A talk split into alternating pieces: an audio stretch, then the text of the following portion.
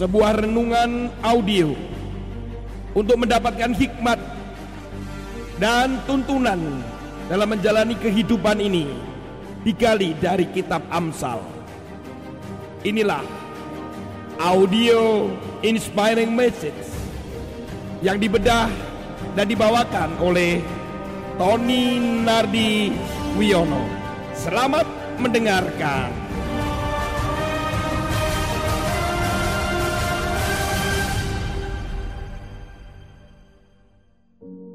Shalom Bapak Ibu sekalian. Haleluya. Kekasih Tuhan, mari kita merenungkan firman Tuhan dengan membaca bacaan firman Tuhan pada hari ini di dalam Amsal pasal 13 ayat yang ke-11. Harta yang cepat diperoleh akan berkurang, tetapi siapa mengumpulkan sedikit demi sedikit menjadi kaya. Saudara kekasih di dalam Tuhan, Beberapa waktu lalu ada berita yang saya baca dan cukup mengejutkan.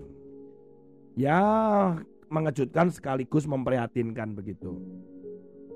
Ketika seorang istri bunuh diri, dalam bunuh dirinya itu dia menulis surat sebelum menggantungkan dirinya. Dia menulis surat kepada sang suami termasuk buku catatan yang ada di agendanya dia. Ternyata sang istri ini terlilit hutang dari pinjaman online yang banyak sekali saudara. Karena saya melihat, saya perbesar eh, gambarnya itu setidaknya lebih dari 20 pinjaman online yang dia aplikasikan dan kemudian dia mendapatkan uang. Karena dia sistemnya sepertinya ya gali lubang tutup lubang sampai akhirnya tidak bisa membayar. Saudara, si istri ini ya akhirnya dengan tak ada pilihan sepertinya menurut dia ya dia mengakhiri hidupnya untuk menyelesaikan masalah. Saudara pinjaman online ini itu begitu kejamnya sebenarnya ketika menagih pinjaman bahkan sampai kepada orang-orang yang dikenal itu. Jadi sementara di telepon itu ada nama-nama atau di kontaknya itu ada nama-nama temannya, maka nama-nama kontak itu akan dihubungi oleh pihak pinjaman online untuk diberitahu bahwa orang ini sudah pinjam nggak bayar-bayar gitu. Jadi yang digunakan oleh mereka adalah harga diri, rasa malu, mempermalukan, bahkan sampai pada ancaman, saudara. Ancaman membunuh itu pun juga pernah.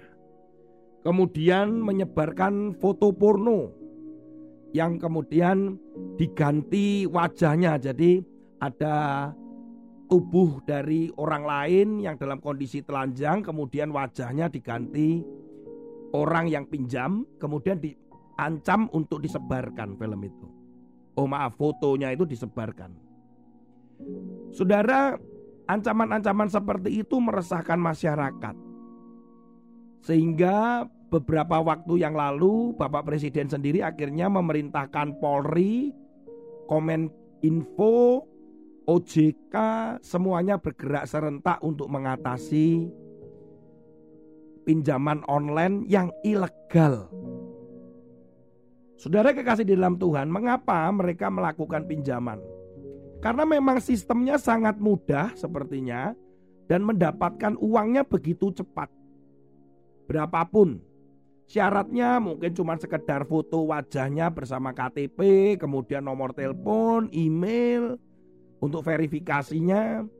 Nah, kemudian dalam waktu sekian menit itu bisa langsung dana tertransfer di rekening peminjam. Tetapi tahukah bahwa bunganya itu sangat luar biasa saudara. Dari sebuah berita yang saya dapatkan bahwa ada seorang gadis yang pinjam di tahun 2019 tahun 2019 saudara.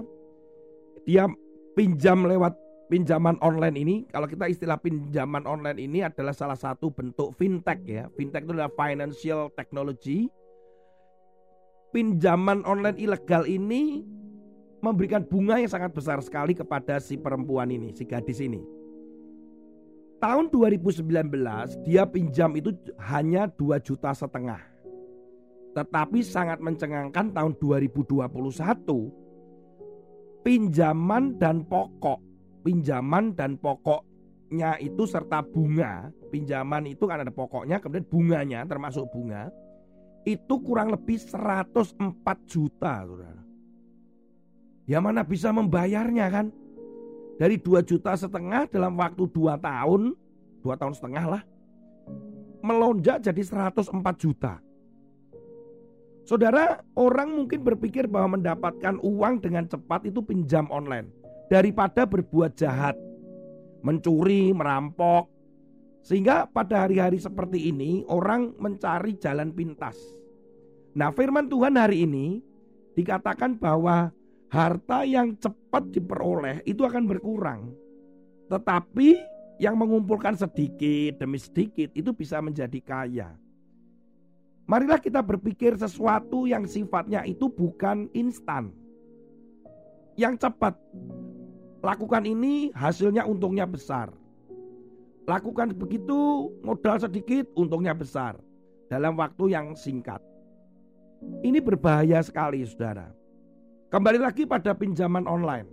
Saya akan mengungkapkan beberapa data yang mungkin akan membuat kita kaget. Perputaran dana perputaran dana pinjaman online di Indonesia ini mencapai 260 triliun. Bukan miliar loh saudara, triliun.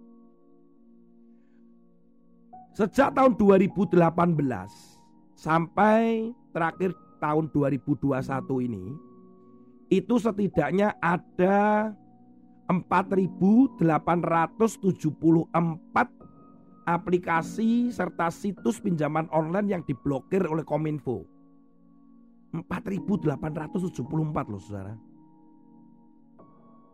Di tahun 2021 ini saja ada 1.856.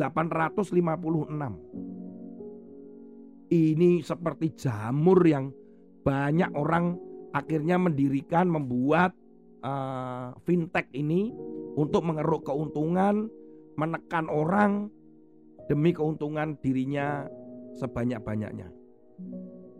Dari beberapa kota sudah ditangkapin nih beberapa minggu terakhir. Jakarta, Surabaya, Jogja, Tangerang. Ada begitu banyak perusahaan-perusahaan pinjol atau pinjaman online ini digerebek oleh pihak kepolisian. Salah satu contoh yang baru-baru ini di Tangerang. Dan ditangkap itu ada puluhan orang di saat itu ada 32 orang yang kemudian dimintai keterangan dan ditangkap untuk sementara sebagai saksi. Bayangkan saja dari 13 aplikasi yang dikelola oleh 32 orang ini hanya tiga yang legal, sepuluhnya ilegal. Saudara, ini sudah meresahkan masyarakat kita. Sementara sebenarnya pinjaman online itu atau menggunakan fintech atau financial technology ini yang resmi di bawah otoritas OJK itu hanya 107. Bayangkan dengan ribuan yang seperti tadi. Ciri-cirinya seperti apa supaya kita nggak terjebak? Suku bunganya tinggi. Pasti di atas suku bunga perbankan. Kemudian fee-nya itu besar dan dendanya tidak terbatas kalau juga melakukan teror dan intimidasi. Nah, itu ciri-cirinya seperti itu. Hati-hati ya, Saudara. Hati-hati. Ada begitu banyak teman-teman kami pun juga terjebak di situ. Kenapa? Karena memang menginginkan mendapatkan uang yang cepat.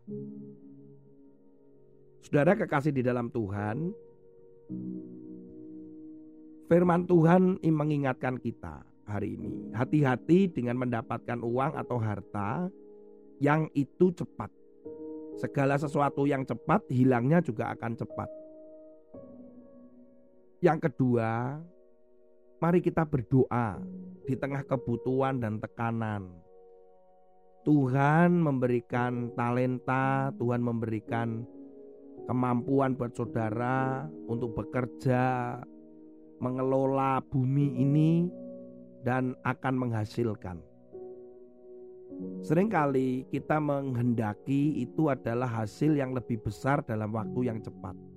Sementara kita diajarkan untuk satu demi satu dalam tabungan hari demi hari, yang mana itu bisa bertambah banyak dan itu kaya. Itu menurut uh, Amsal hari ini yang kita baca. Kemudian konsep yang lain adalah saudara harus belajar dan memberanikan diri untuk memberi, menabur. Tuhan tidak akan pernah menutup langit ketika melihat saudara hidup benar dan hidup bukan untuk diri sendiri tetapi mulai melakukan itu untuk orang lain. Saudara kekasih di dalam Tuhan. Yang ketiga yang saya rindu, oh maaf yang keempat ya, yang keempat saya rindu bahwa saudara memiliki pemikiran yang panjang. Pemikiran yang panjang untuk melakukan hal-hal yang sifatnya adalah instan atau cepat itu. Karena bisa-bisa berujung pada masalah berikutnya yang malah berat, mencekik, dan akhirnya menderita. Biasanya akhirnya akan berbicara datang kepada Tuhan. Tuhan mengapa aku begini? Tuhan kenapa penderitaan ini harus aku alami? Saudara, ini bukan penderitaan yang Tuhan izinkan untuk mendidik dan mengajar kita. Itu karena sebuah keputusan-keputusan dari pilihan-pilihan yang salah. Yang akhirnya malah kita dengan sengaja sepertinya menceburkan dalam kubangan atau jurang yang dalam. Saudara kekasih di dalam Tuhan, mari kita berhati-hati terus, berjaga-jaga, karena hari-hari ini hal yang terkait dengan finansial, keuangan, ekonomi ini akan terus uh, menjadi godaan-godaan yang ada di hadapan kita. Sementara kebutuhan semakin bertambah, makin meningkat. Keekonomian dunia juga mengalami krisis. Sebentar lagi yang diperkirakan adalah krisis uh, energi yang saat ini sudah terjadi di China akan ada pasti dampaknya gitu ya secara produksi, secara perdagangan pasti ada. Tetapi mari kita terus mendekatkan diri kepada Tuhan, mencari hikmat. Tuhan, ini bagaimana? Apa yang harus saya lakukan? Bisa nggak saya memulai bisnis ini? Saya harus bekerja dengan siapa? Hal seperti itu menjadi awal di dalam setiap usaha, setiap pagi, setiap apa yang akan kita kerjakan. Saudara boleh saja tanya kepada orang yang memang ahlinya, tetapi malah pertama kali kita datang kepada Tuhan untuk menanyakan banyak hal tentang menjalani kehidupan ini. Termasuk bagaimana kita menggunakan firman Tuhan ini menjadi kacamata kita, dasar kita melangkah, dasar kita untuk memilih, dasar kita untuk mengambil keputusan.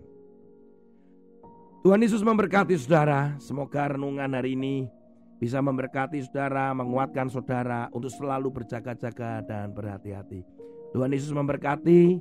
Sampai berjumpa pada episode yang lain. Haleluya. Amin.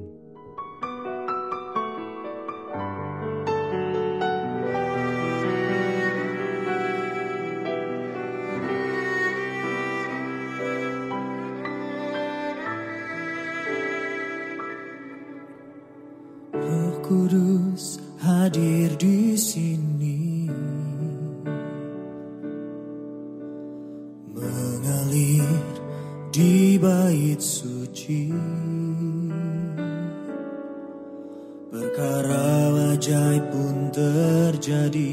Kuasa mujizat nyata. Karena roh Allah sedang bekerja. Roh Kudus hadir di sini. Mengalir di bait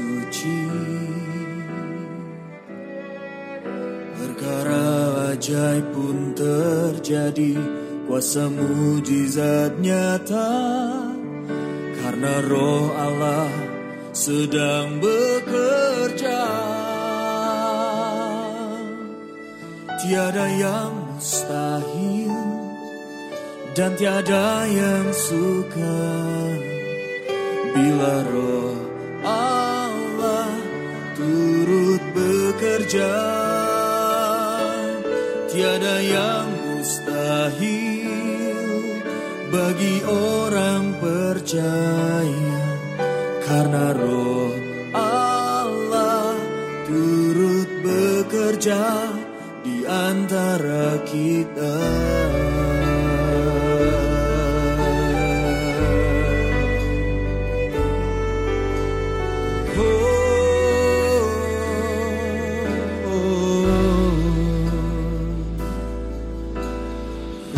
Kudus hadir di sini. Mengalir di bait suci. Perkara ajaib pun terjadi, kuasa mujizat nyata. Karena roh Allah sedang bekerja.